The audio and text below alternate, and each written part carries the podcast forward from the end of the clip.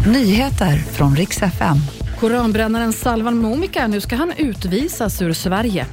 Och tusentals biljettköpare har lurats och hyllningskonserten till Salming ställs in. Koranbrännaren Salvan Momika ska utvisas. Redan i oktober förra året så slog Migrationsverket fast att hans uppehållstillstånd blir inte förlängt. Han har ändå stannat kvar med hänvisning till tortyrkonventionen. Men enligt förvaltningsdomstolen så har han uppgett olika versioner till skyddsskäl. Och nu står alltså utvisningen fast. Han ska dessutom ha förbud att återvända till Sverige på fem år. Och nu har det kommit svar på den förgiftade familjen i Söderhamn. Länge var det ju ett mysterium vad som drabbat den här familjen för snart fyra månader sedan.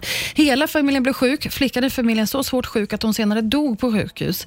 Åklagaren har nu fått svar och vet vad som orsakade förgiftningen och kan gå vidare. Däremot ser det fortfarande sekretess i ärendet. Ingen är än så länge misstänkt, men det utreds fortfarande som mord.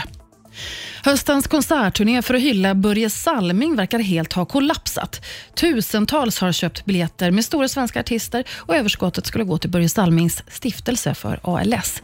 Nu visar det sig att arrangören har spelat bort alla pengar.